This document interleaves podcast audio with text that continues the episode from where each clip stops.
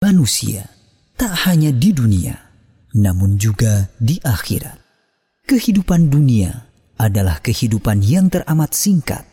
Seorang Muslim yang akalnya cerdas, maka ia akan berpikir dan berbuat untuk mempersiapkan bekal, menjalani kehidupan yang abadi di akhirat, bukan kehidupan dunia yang sementara dan singkat.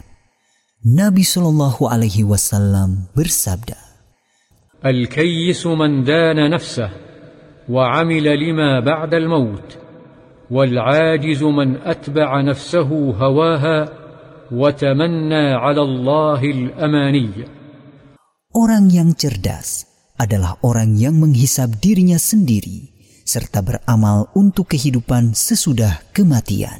Sedangkan orang yang lemah akalnya adalah orang yang mengikuti hawa nafsunya serta berangan-angan mendapatkan anugerah dari Allah Subhanahu wa taala tanpa beramal.